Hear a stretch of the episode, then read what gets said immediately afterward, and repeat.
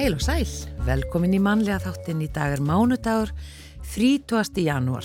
Já, við fyrir aftur í tíman til ásins 1595 á þessum degi 30. janúar leikrit Shakespeare, Rómeo og Júlia var flutt í fyrsta skipti. Já, og bítlarnir spiluðu í síðasta sinn ofinberlega 1969 á þessum degi Svo var það árið 1971 á þessum degi sem að frost mældist 19,7 gráður í Reykjavík sem var það kaldasta síðan 1918 að minnstakosti þá, þar að segja 1971. Já, svo var það 1972 blóðu í sunnudagurinn þegar 26 mótmælendur og áhorvendur voru skotnir af breska hernum í Derri á norður Írlandi. Og eh, já, þetta var, var kallað blóðu í sunnudagurinn 1972. Já. Listasafn Íslands var opnað í gamla Íshúsinu við Tjötnina í Reykjavík á þessum degi árið 1988. Svo var það 2006, íslenska stuttmyndin síðasti bærin var tilnemt til Óskarsveluna. Já, yfir í efni þáttarins í dag.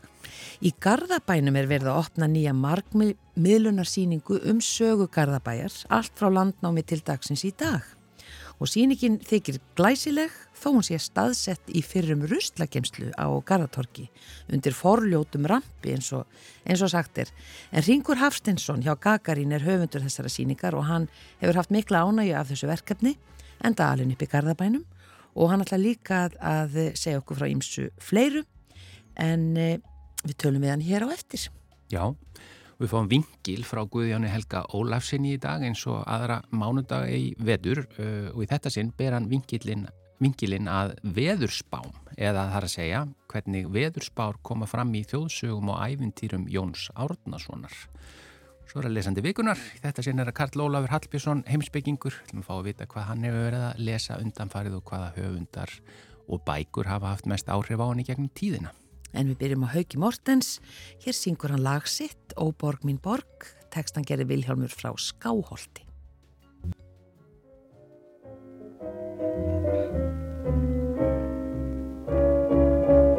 Ó borg mín borg,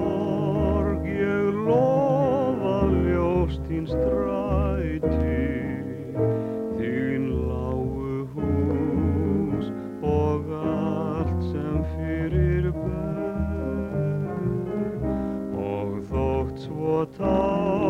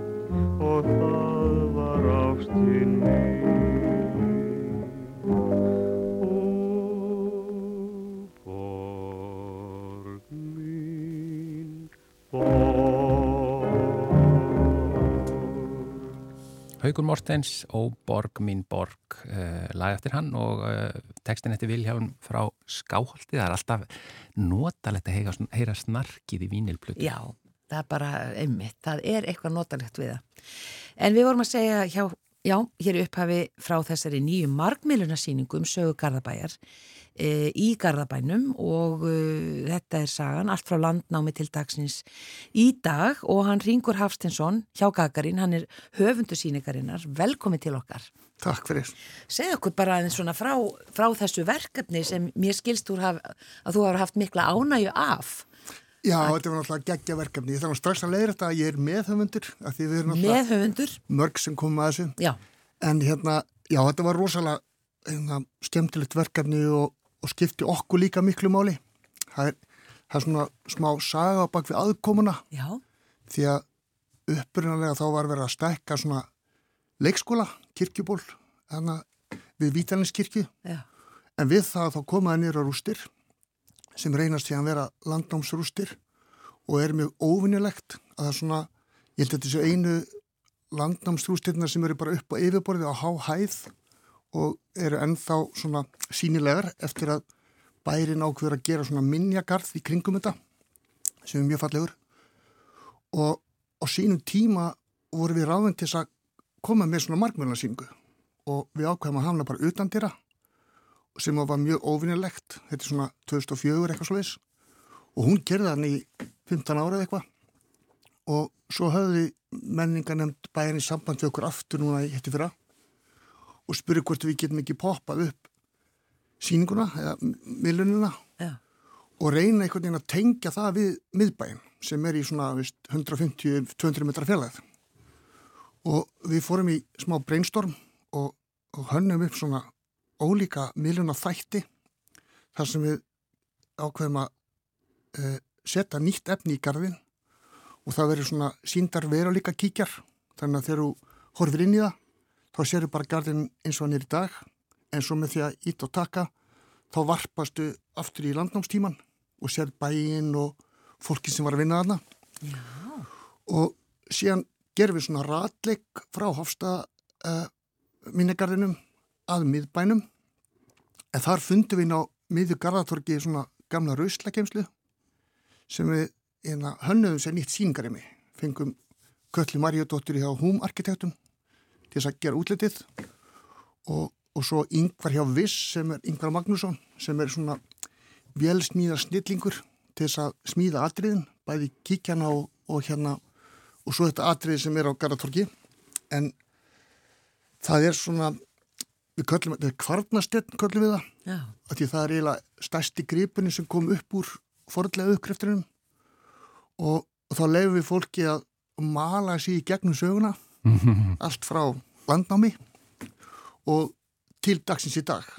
Og, og í þessu það, það snýr þá já, þessum snýr- steini. Já, snýri steininum og þá ferðast það um allt garðabæði landið og fer inn og út og svo byrtast sögumólar af hérna því merkilegasti sem hefur gerst á þessum tíma.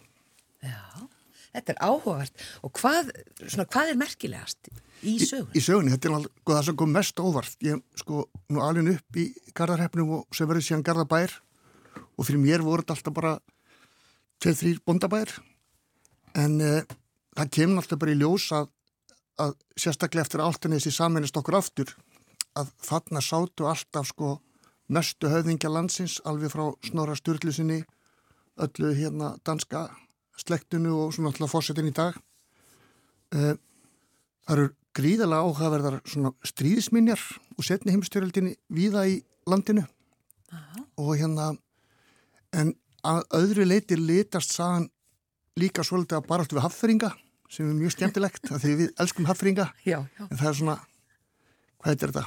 Ásthattur, Já, svona rígur. Repparígur Já, þeir voru alltaf að hérna þeir voru alltaf að stela landi frá okkur. Það eru aðlað það sko. En byrju var eitthvað sló einhvað almennilegi brínu þannig á milli?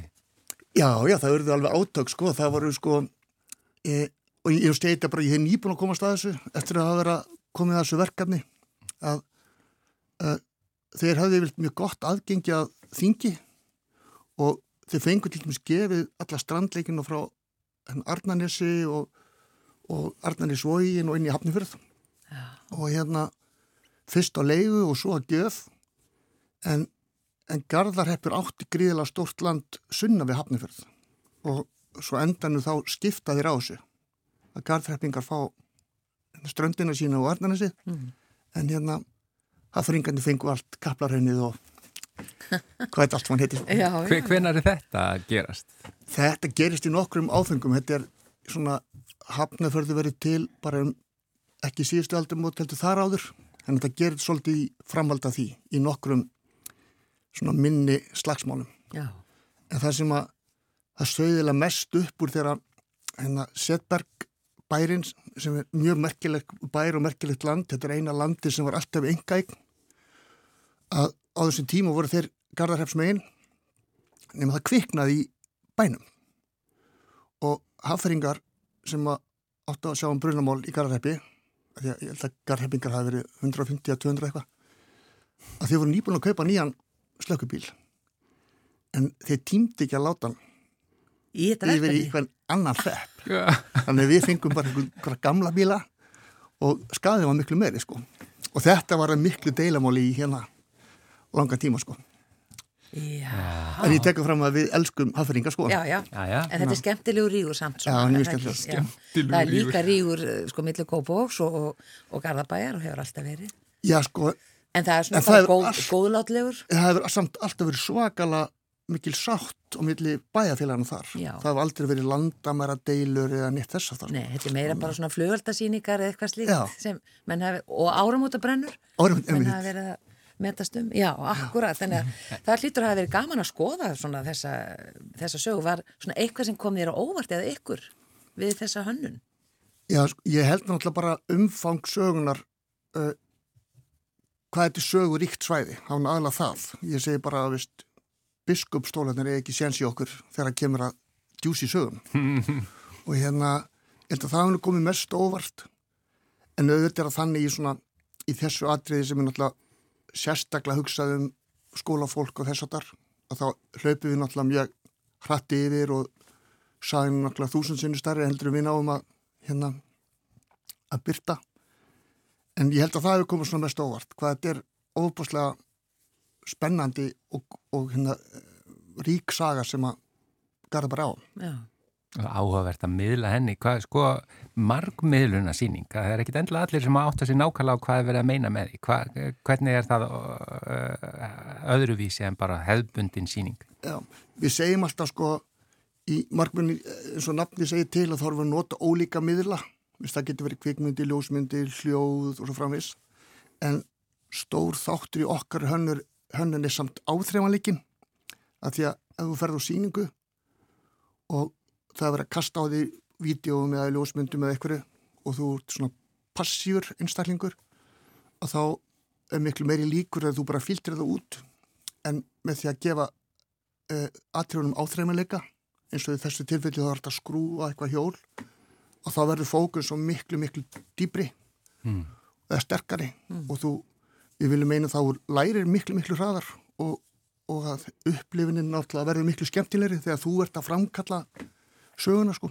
já, Og þetta fyrir skólakrakka að bara stíga inn í söguna eins og með þessi margmilunagleru, eru þessi margmilunagleru þá bara úti eða hvernig, Já, þetta eru, þetta eru fyrsti svona útikíkjarnir sem við höfum þróað og við gerum það eins og ég sjá hann með Yngvari Magnússoni sem er vélsnillingur og hann sem satt hannar og smíðar eh, kíkjana. Og áskurun er náttúrulega vist, Íslenskt veðifar er eitthvað sem að engin tækni hefur ráðið við hinga til en við ætlum að sína fram á annað já. láta kíkjana að láta kíkjana þóla veðrið? Já, Já. já, já. Og hvernig verður þetta opna?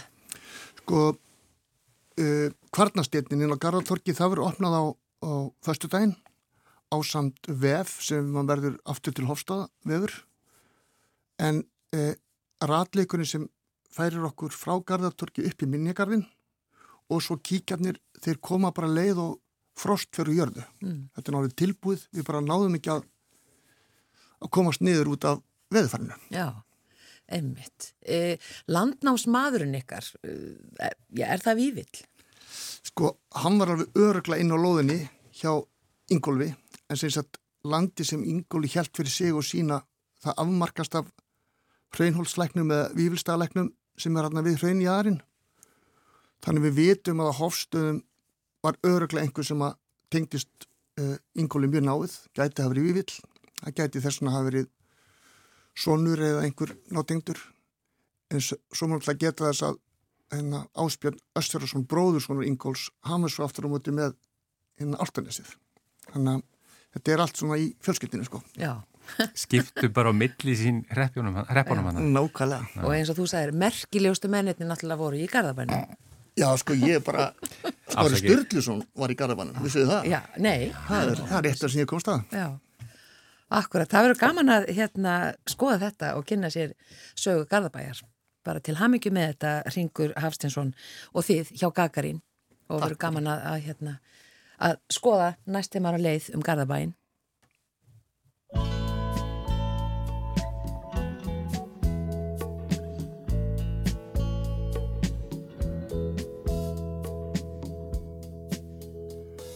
Að sittin á bar og sjá eitt í neitt Segji ég öllum mér finnist ei leitt En raunin er svo ef ráðum við í að reyndar við höfum mei gaman að því.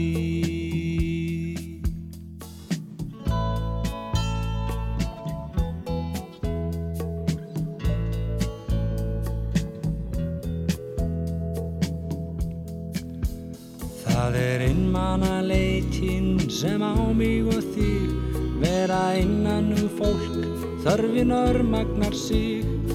Ég augum lít fólkið álíktum dreg. Bara einmanna mann verur rétt eins og ég. Það er nú svon skrítið er á það ég lít. Svo örvending stór brotinn segja ég hlít þegar finn ég það út ef fast ég brýt hugan um ferðalag okkar á þessari stórð Alveg er sama hver ánægður dvel Í allsnægtum mér verður ekkert um sel. Hamingjan druknar sem dægur flugan Í draumum um meira á allsnægta borð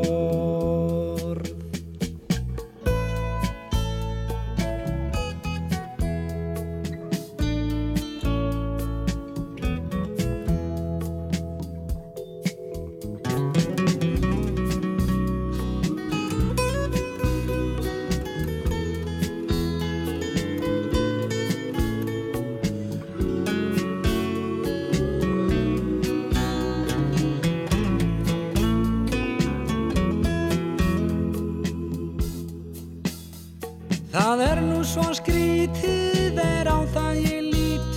Svo örvænting stórbrotin segja ég hlít Þegar finn ég það út Ef fast ég brýt hugan um ferðalag okkar á þessari stórð Alveg er sama hver ánæður dvel. Í allsnægtum mér verður ekkert um sel Hamingjan druknar sem dægur flugan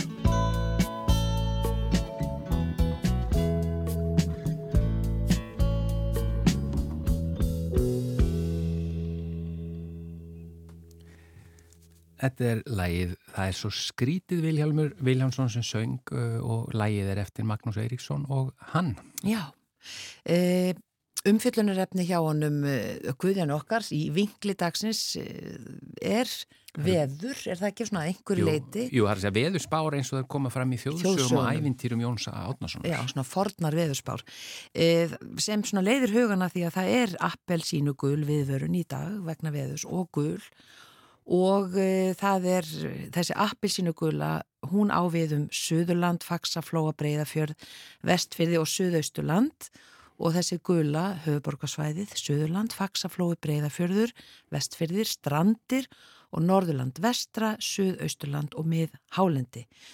Og uh, þetta er, og hugleðingar veðufræðingsins, þær uh, eru svona, það er ört diffkandi lægð sem nálgast nú landið úr Suðvestri. Því verður vaksandi austanátt í dag 18 til 25 síðdeis, viða snjókoma en kvassara siðist á landinu fram á kvöld með talsverðri ofankomu. Á norðaustur og austurlandi verður vindur hins vegar mun hægari en seint í dag verður því ekkert ferðaveður á sunnan og vestanverðu landinu. Og uh, ef þið viljið líta nánar yfir þetta þá farið inn á veður.is og þar eru svona flipar hérna efst fórsíða veður og jarðræðingar og annar og þið smellið á veður og þá fáið þið veðurkortið og síðan getið smelt á hérna það sem stendur meira um appilsinu gulu og meira um gulu. Þá fáið þið alla landslutana alveg sér og þar eru lýsingar á því e, klukkan hvað þetta byrjar, hvernig þetta veð, verður og svona sirka klukkan hvað þetta er búið. Svo kemur hún Elin Björk Jónasdóttir líka á morgun Já. í eiginlega nánast í kjölfar veðusins þó að það verð ekki alveg búið þannig að það fáið svona aðeins betri uppsúmeringu Já, akkurat. En nú komið að vinkli frá Guðjóni Helga Ólasinni einmitt um veður spár í þjóðsögum og ævintýrum Jóns Átnasonar. Ágætu hlustendur, ég var að ræða heiskaparmál við frænda minn um daginn. Nokkuð sem ég hef tölvert meiri áhuga en vit á sem vonandi stendur til bóta og sennilega er nú óhætt að vera djarfur og lýsa því yfir að veður ráði miklu um hvernig fólki gengur að abla heia. Þó alls ekki öllu því hrakin og léleg hei hefur maður séð þó að veðrið hafi lengi verið gott dagan á undan. Nú er sá tími að minkarstappin þeirra sem eiga gripi á gjöf og vonandi duga nú heiin hjá öllum og ég hef trú á því. Íslenskir bændur eru sérþjálfaðri að nýta hverja stund sem gefur þegar að heiskapur er annars vegar. En hvernig skildi veðrið verða næsta sumar? Það er ómögulegt fyrir almúamann að vita. Venjulegar veðuðspár ná ekki að tegja sér svo langt og óvissu þættirnir eru fjölda margir. Kanski er einhvern vísdóm að fá í því sem Jón Árnason þjóðsagnasafnari kallaði krettur í setnabindi af íslenskum þjóðsögum og ævintýrum. Á blaðsíðu 558 eru eftirferandi innan gæsalappa almennar krettur um veðróttufar. Við fáum nokkur dæmi af handahófi til gamans og hlustendur geta glýmt við að setja þær í samhengi við eigin reynslu. Köttur spáir hláku ef hann þvær sér aptur fyrir hægra eirað á vetrardag. Ef köttur tegir sig svo klærnar standi mjög fram af framlöpunum veit það á kvassviðri. Er það kallað að kötturinn kvessi klærnar eða hann taki í klærnar ef hann tegir sig. Þetta átti mér svo fróðlegt að ég gerði leit að heimiliskettinum og fann steinsofandi í bæli sínu og vottaði ekki fyrir klóm á framlöpum, þó er bísna kvast úti. Kanski er vissar að lesa aðeins lengra. Ef gamlir kettir leika sér á vetrum, veit það á yllviðri. Spá skal áttum á vetrardag, eftir því í hverja átt, kötturinn klórar treð. Þetta vakti áhuga minn og ég veitti greinar bút af jólatrénu upp úr eldiviðarkassanum og rétti kísu. Hún síndi engin viðbröð. Við lesum meira og eru kettir nú úr sögunni. Trú þú aldrei vetrar þóku, þó ekki sína með ein nótt eftir til sumars. Eins og vetrarkvíðin er hár á höstin, einn stjúpur verður snjórin á veturinn. Kanski er ekki allir með á hreinu hvað vetrarkvíði er, En ég hef ekki séð að betur orðað en hjá bladamanni Sunnlenska í fréttum óvenju mikinn vetrarkvíða í Sandvíkurreppi. Fréttin er frá 2012 og tilvittin hefst. Þetta fyrirbæri kallast vetrarkvíði og er talinn bóða harðan vetur. Þræðirnir eru búnir til af smáum voðköngulóm sem klifra upp á strá og spinna þráð upp í loftið. Þegar þráðurinn er orðin nógu langur og vindurinn farin að taka í hann, sleppir köngulóin takinu á stráinu og svífur upp í loftið. Með þessu geta þeir borist langar leiðir. Tilvitun líkur. Nú nú, ég var auðvitað forvitin um snjóalög veturinn 2012 og sá að á VF Veðurstofu Íslands að þá um haustið gerði óvenjulegt hríðarveður á Norðurlandi sem allir fjársköðum ramaksleysi og samgöngutröflunum, auk þess sem óvinju illviðrasamt var framan af nóvember með miklum snjóþingslum norðaustanlands, svo vitnað sér beint í síðuteksta. Nú fóru að renna á mig tvær grímur. Ég hef almennt ekki verið sérstaklega trúaður á krettur varðandi veðurspár, en auðvitað er mögulegt að heilmikil gagnasöfnun gengina kynnslóða sé þeim til grundvallar. Fyrir bóðar eru gerðnan stöðlaðir, eins og til dæmis þurr skildi þorri þeisum góa, votur einmánuður þá mun vel vora. Þarna hefði mátt leggja aðeins meiri vinnu í setnipartin, en við verðum að taka það með í reikningin að stundum afbakast ágætar vísur við að ganga manna á milli. Hér er svo veðurvísa um góu og hörpu en þær eru næstu mánuður á eftir þorra. En ef hún góa öll er góð, öldin má það muna, þá mun harpa hennar jóð, herða veður átt duna. Hér er rétt að taka það fram að orðið jóð þýðir nýfætt barn. Þannig að mánuðurinn góa eignast barnið hörpu ef við tökum kenninguna bókstaflega og við látum eins og við sjáum ekki tvístuðlana í línu 2. Svo er það vorbóðin ljúfi en samkvæmt bókinni eru úti allar stórhríðar þegar lóan kemur. Og úti allar vorhörkur þegar spóin langvellir. Kanski maður skrifi þetta hjá sér í vor. Ég hlýta átta mig á því hvenar spói langvellir og hvenar ekki.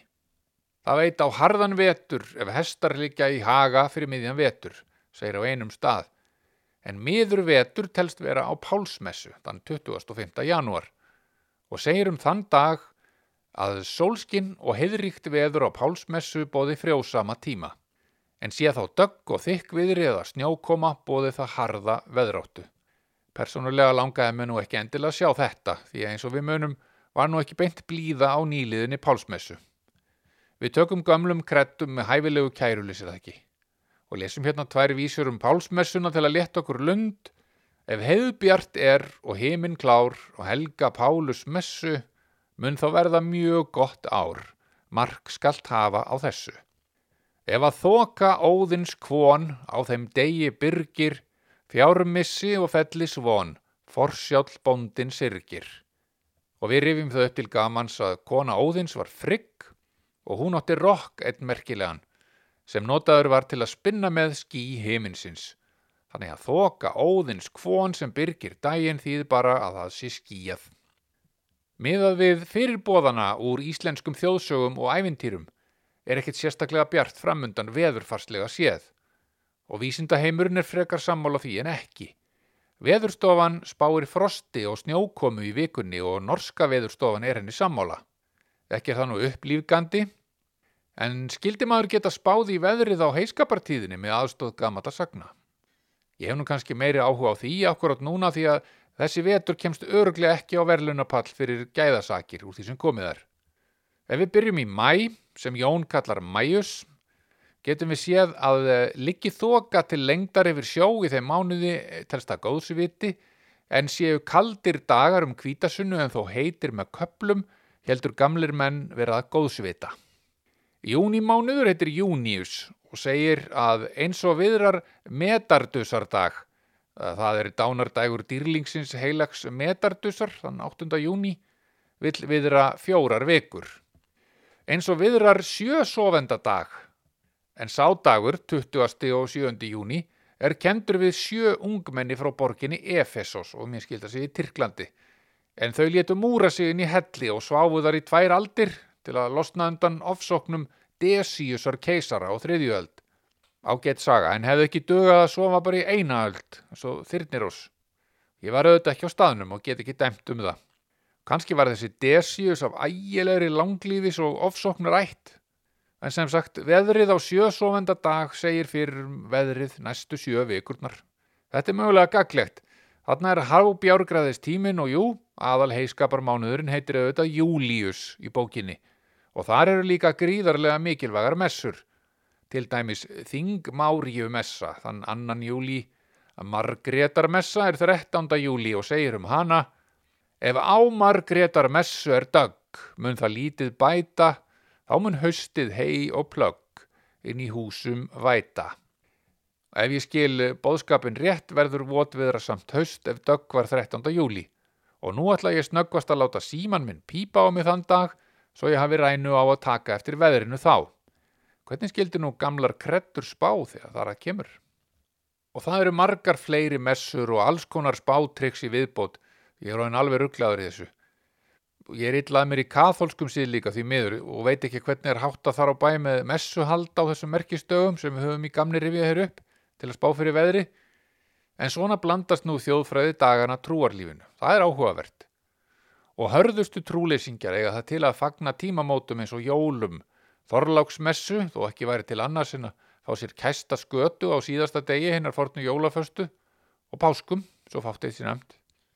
Trúarlíf og hjátrúarlíf okkar Íslendinga veriðist með ágætum. Skara stundum eins og gengur en við erum nú flest hannig innrættuð að vilja gleðjast fleiri daga en færri.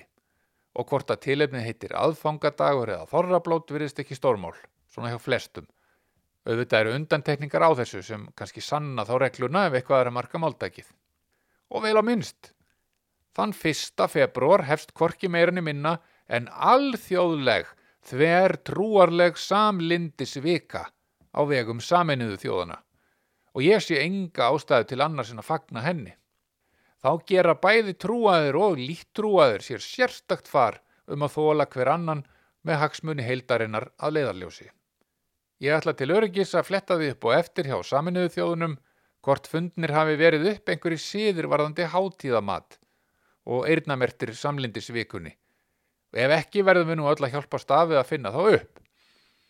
Jólamatur og þorramatur eru auðvitað uppteknir og sumur eru nú reynlega enn að melda það allt saman. Þannig að ég stingu upp á að þetta verði bara eitthvað gott með kaffinu. Er það ekki ágætt? Góðar stundir.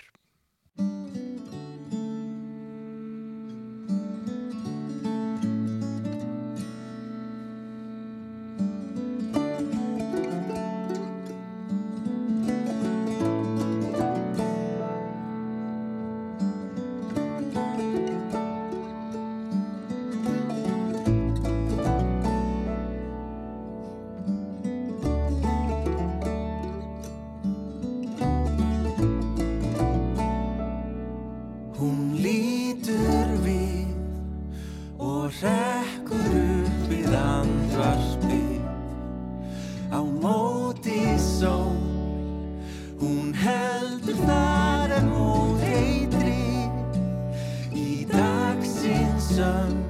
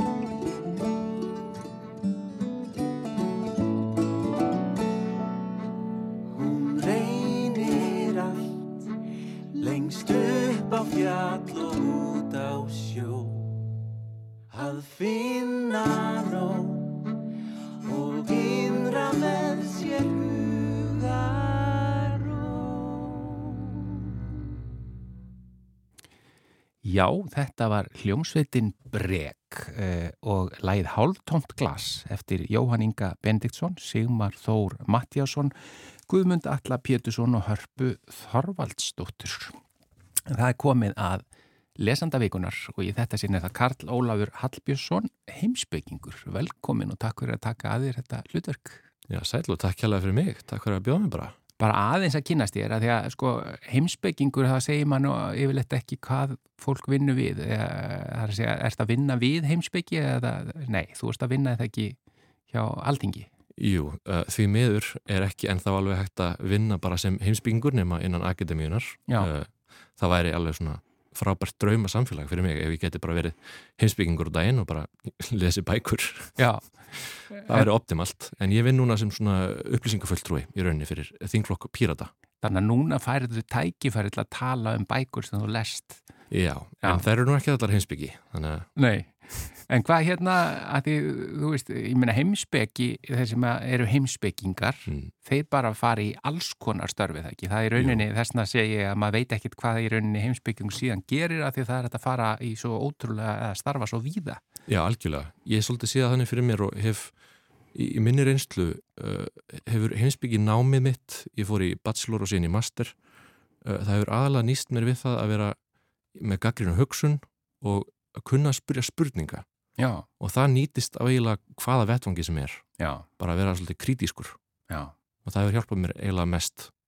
því maður sér alltaf fyrir sér aðeins Sókrates og Plato og eitthvað Mm. svona sem sita bara og hugsa um lífið og, og krifja það. Svona, sem ímynd, þú gerir alveg kannski. Já, það er svona þessi skemmtilega ímyndum hérna, baðheimsbyggingin sem liggur í baði og hugsar hmm, hvað ef heimurinn er bara allur einn og allt er guð Já, já, og það er svona gamla ímyndin af heimsbyggingunum já, sem að ég vil kannski, ef eitthvað er endurvekjað aldrei, já, mér finnst hún svo skemmtileg. Já. Koma með eitthvað eina svona flotta kenningu sem er bara í einn setningu og það bara breytir nánast sín okkar á, á, nefnilega, á það er svo mikið við er svona, er yfguð í háskólanum í dag uh, er rosalega mikil svona áhersla á að skrifa uh, hérna, greinar eins og þetta sé næstu í svona raunvísindagrein. Mm. Og mér finnst heimsbyggi bara eiginlega ekki vera það. Ekki sín Nei, hún er það nefnilega ekki. Hún er það sem krefur raunvísindin um alls konar fósendur Veistu það, ó, ég vildi að þið bókaði bara í, í samtal um, um heimsbyggi einhvern tíma þurfi að gera það. En, en vindum okkur aðeins í bara lestur að því þú, hérna, ég þykist á vita að því mér, mér var líka benta að þú geti verið skemmtlegur í þetta að þú lest þá mikið. Hvers slags bókmentir helst? Já, ég er nú bara svona alæta held ég á hérna bækur. Ég reyna að lesa bara eins mikið að skáldsum og ljóðlist og ég get en Mhm. síðan er ég líka svolítið háðið að lesa heimsbyggina inn á milli. Já. þannig að svona mest af því. Og ef það eru skáldsur þá er svolítið mikið í fantasíunni og, og sci-fi. En almennt bara reyna líka að lesa allar nýjar íslika bókmyndir sem ég get komið höndum yfir. Þú, þú skrifar líka. Er það, uh, ert að skrifa ljóð eða ert að skrifa uh, einhverjar skáldsögur eða? Já, ég hef lengi verið með hérna vef þar sem ég skrifa hérna hinsbyggipistla og Mhm. bara svona alls konar dót, stundum smásögur og ljóðlist og eitthvað. Og síðan ætla ég að fara að reyna að gefa út ljóðabóknun í ár þannig að það er skemmtileg pæling. En hvaða fyrsta bók kemur svona upp í hugan sem þú hefur verið að lesa undanfarið? um, upp á síðkasti og í rauninni síðustu fimm árin hef ég verið með einn höfund á heilanum sem heitir Gene Wolfe. Já, uh, bandarískur fantasíuhöfundur sem skrifaði hérna Book of the New Sun og fleiri bækur. En aðalega þessi er svona stórvirkið hans. Uh, Book of the New Sun. Book of the New Sun. Já, hvað, ný, nýju sólarinnar, bók um nýja sól. Já, hvað er hérna fantasíu bækur, hver Mm. er munurinn á þeim og, og bara eins og til dæmis vísindaskáldsögu? Er Já, einmitt, Gene Wolfe er einmitt mjög skemmtilegur með þetta vegna þess að hann hérna gerir línuna mjög óskýra. Já, þú fer inn í þessa eins og Book of the New Sun og hún virkar svolítið eins og fantasíubók en hún er vísindarskálsa hún bara gerist í svo fjarlæri framtíð mm að það er eins og öll vísindin í vísindarskáldsögin hafi glemst og næstu í orðið að töfrum já, já, já. þannig að Það, er það þar sem að, eh, er munurinn að, að það eru töfrar? Já, er þetta ekki svolítið samt eins og hérna ég man ekki hver það var sem sagði það, Arthur C. Clarke eða einhver að hérna að hvaða tækni sem er sem væri nú að háþróið væri í rauninni óaðgreinanleg frá töfrum Já, já, já. Hvernig var þetta aftur? En í, Það varstu eh, komin út í fantasíu. já, í rauninni Já, já. og önnur frábærserja sem við nöldum með þetta líka er hérna Wheel of Time serjan eftir hérna, Robert Jordan. Já, hún er líka svona þú ert með töfra en í raunin eru það hálpartin vísindi. Frábært stöf. En ég hérna er búin að vera alveg á kafi í Gene Wolfe upp á síkastið já, og að lesa og endulesa það er svo skemmtilegt líka endulesan hann skrifar svona rosalega djúpar flóknar bækur já, þannig að þú meinar að þegar þú lest þær aftur og þá opnast eitthvað nýtt. já, það er líka Já. vegna þess að sögumæðurinn er óáreðanlegur og hann segist, segist munalt Já, og er síðan bara í fyrsta kaplanum með svona ósamræmi í því sem hann segir og því lengra sem hann kafar onni í þetta já, já, já. því dýbra sekkumæður sem á þessu kviksindi Einmitt, þetta er áhugavert, Mm. óáreiðanlegur sögumæður. ég dýrka þetta sko Já, að því við erum nú kannski öll svolítið óáreiðanleg. já, Já, það er rosalega mikið list að skrifa þetta vel Já, þannig að þú haldir aðtigli lesandans og, og allir séu alltaf á tannum með það, og þetta gerir eh, Gene Wolfe vel. alveg bara frábærlega En hvað sko Book of the New Sun, bara í Mm. ör, örstuttu hvað hún er um? hún fjallar um böðul Mm. sem heitir Severian og hann sem sagt eh, gerist brottrækur úr böðla samfélaginu sínu og þarf að fara til einhvers bæjar sem heitir Thrax og verða yfir böðul þar sem refsing Já, og hann lendir í alls konar æfintýrum leið. eru bara böðlar í þessum heimi eða? Nei, hann er bara hluti af böðla samfélaginu. Já, já, já, já. Og, og er þetta í einhverju, einhverju framtíð? Já, þetta gerist í rauninni í svo fjallari framtíð að sólin er að deyja. Já, já, já. Það Þannig að- hlýtur að vera eftir, það er vonandi er eftir langan tíma. Já, mjög, mjög langan tíma og Já. sólin er einhvern veginn bara að dopna og hún er svona hálf appilsinu gull á himninum og það er svona það rosalegt atmá í þessu. Já. Allt, sko. Næsta bók, hvað, Mm. hvað kemur næst upp í hugan? Ég er líka búin að lesa hérna Anthony Doerr Mm sem skrifaði hérna uh, Cloud Cuckooland Cloud, Cloud Cuckooland já. og hérna All the Light We Cannot See Hvað sé, Anthony, Anthony Doerr D-O-E-R-R. Hann er alveg bara skrifar þessar frábæru bækur já, sem eru þá hvernig. Er þetta fantasía líka? Nei, þetta er rauninni svona sögulegar bækur ef eitthvað er, en það eru samt skáldsur alveg í gegn. Já, Það er bara eins og hérna, Cloud Cuckooland gerist uh, árið 2020 og árið 1400 og árið 2300 þannig að hann skiptir í svona upp einhvern veginn og er að vinna með alls svona, svona sögulegar heimildir eins og Fall Konstantínópel já. Áhugaverð, þannig að það eru alvöru sögulegi viðbyrur en, en skáltsaga. Já. Já, og mér er þess að svona smá fantasi, nei, vísindaskáldsug í VAF líka. Hann fyrir mjög breytt og hann skrifar hennan dýrlega prósa sem ég get ekki annað en mælt með við alla. já. En þegar að því þú orðar þetta prósa, eða, þú veist, ég, er ég eitthvað að lesa þá í að þetta sé ljóðrænt eða? Þetta er, þetta er í rauninni bara samféldu texti, ekki þú veist eins og ljóða prósi heldur, já, já. en bara prósin orðbræðið sem slíkt. Já, bara Er alveg rosalega. Það er rosalega safaríkt og gómsætt. Það er bara, hann skrifar svo uh, smáadriðin Já. eru svo fullkomin. En ég er að lesa að ég sé bara svipin að þér þegar þú ert Mm. að lýsa þessu. Það er eins og sérst að tala um einhvern gómsætan mat. Þetta er konfekt. Já, þetta er bara þannig að það er ekki nóg fyrir því að efnið heilli þig, það verður stílbræðið verður líka heilla þig. Já, helst. Já. Ég meina, innihald og, og form verða að haldast í hönd Já. til þess að eitthvað gangi vel upp. Maður getur lesið frábæra sögu en hún er illa skrifuð og það er mjög erfitt að halda aðtiklinni. Já, ég held að það sé margir samála því. Já. Hérna, uh, ertu með, hvað, hvað er að segja, hvað er næsta bók? Hmm. vil tala um? Uh, ég er búin að lesa lítið upp á síkasti Heidegger líka sem er svona alltaf fyndið. Martin Heidegger, Martin Heidegger, hann er heimsbyggingur, Já, uh, var uppi, hvað er, 1900, hann var svona, svolítið, hann er svolítið umdildur hann var í nazistafloknum já, í Þýsklandi á sínum tíma. Já, og ég er ekki nógu vel að mér til þess að segja til um hversu mikill nazist hann var. Já, uh, en bækurnar hans eru ekki beint neitt um það, það eru bara um fyrirbarafræði um, fyrir bæra fræði. já, Já, þannig að hann er að tala um hérna, hvaða er að vera hér hvaða er að vera í heiminum og hvernig hlutir bera fyrir einhvern veginn já, já, já, já, já. Byrju fyrirbæra fræði, er, það, er það existentialismi? Nei, Nei, það er, á ennsku er það phenomenology phenomenology, já, já, já, já. og í þessu samingi er verðt að nefna að hérna, Björn Þorstinsson sem er uh, professorinn minn í HÍ kendi mér hinsbyggi svo vel og listilega já. var að gefa út bók núna bara rétt í lok síðast á sem heitir verufræði Verufræði, Já, og það er ontologi á ennskunni já, já, já. Og hvað, ég meina, hvað er það við skrif Heidegger? Hann, hann var þýskur, Það var þýskur já, og hvað er það við skrifa hans sem að svona hylla þig? Eða, veist, hvað þessa, hérna, hvað kallaður þetta? Ég nú misti ég aftur Já, fyrir bara fræðina fyrirbæra fræði. Hvað, hérna, hvað, hvað er hann að, hvað eru hans kenningar? Og, Já, þetta er svona, ég er að lesa svona Being and Time, Sein und Zeit mm, og hún er svona um spurninguna um veruna. Þannig að hann er að spurja hvað það er að vera já, sem er hérna mjög flókin spurning. Já.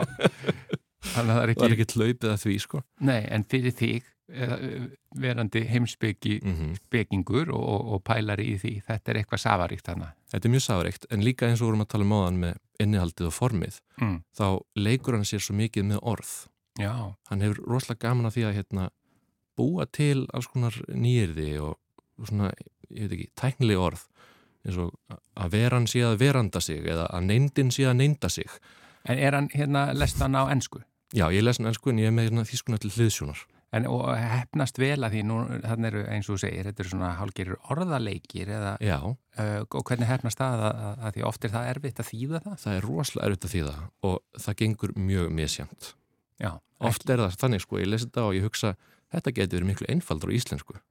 Já, bara vegna þess að þýskan og íslenskan haldast oft meira hönd í hönd já, já, það er mjög skemmtilegt líka þú eru bara þýðana. Já, aldrei vita Já, heyrðu, en förum þá núna bara aftur í tíman, eins langt bara aftur og þú vilt, Mm. eh, hvaða svona bækur og eða höfundar Mm. koma svona upp í hugan sem að svona hafa virkilega fyllt þér, sem eru svona hafa haft mest áhrif á þig í gegnum tíðina.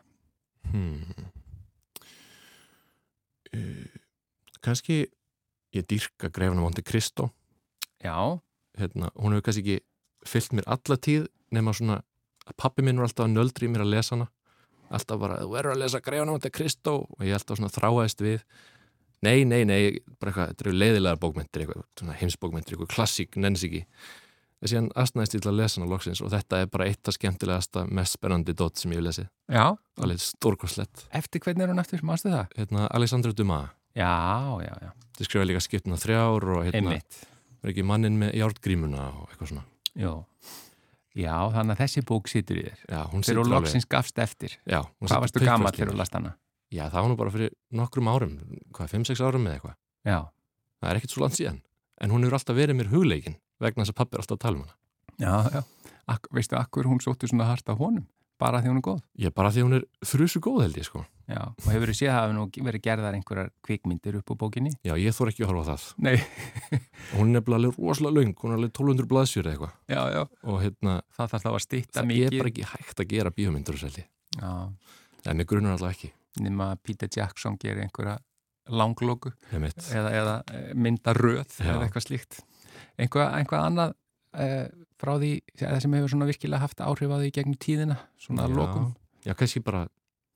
í gamla gamla daga var ég alltaf að lesa hérna Percy Jackson bækunar eftir Rick Riordan.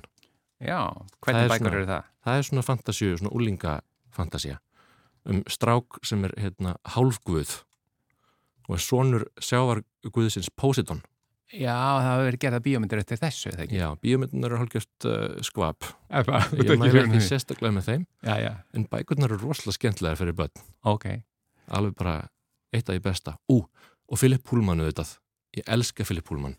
Já, auðvitað segiru. Gildi áttavitin, Já, já, lúmski nýfurinn og skuggasjóningin.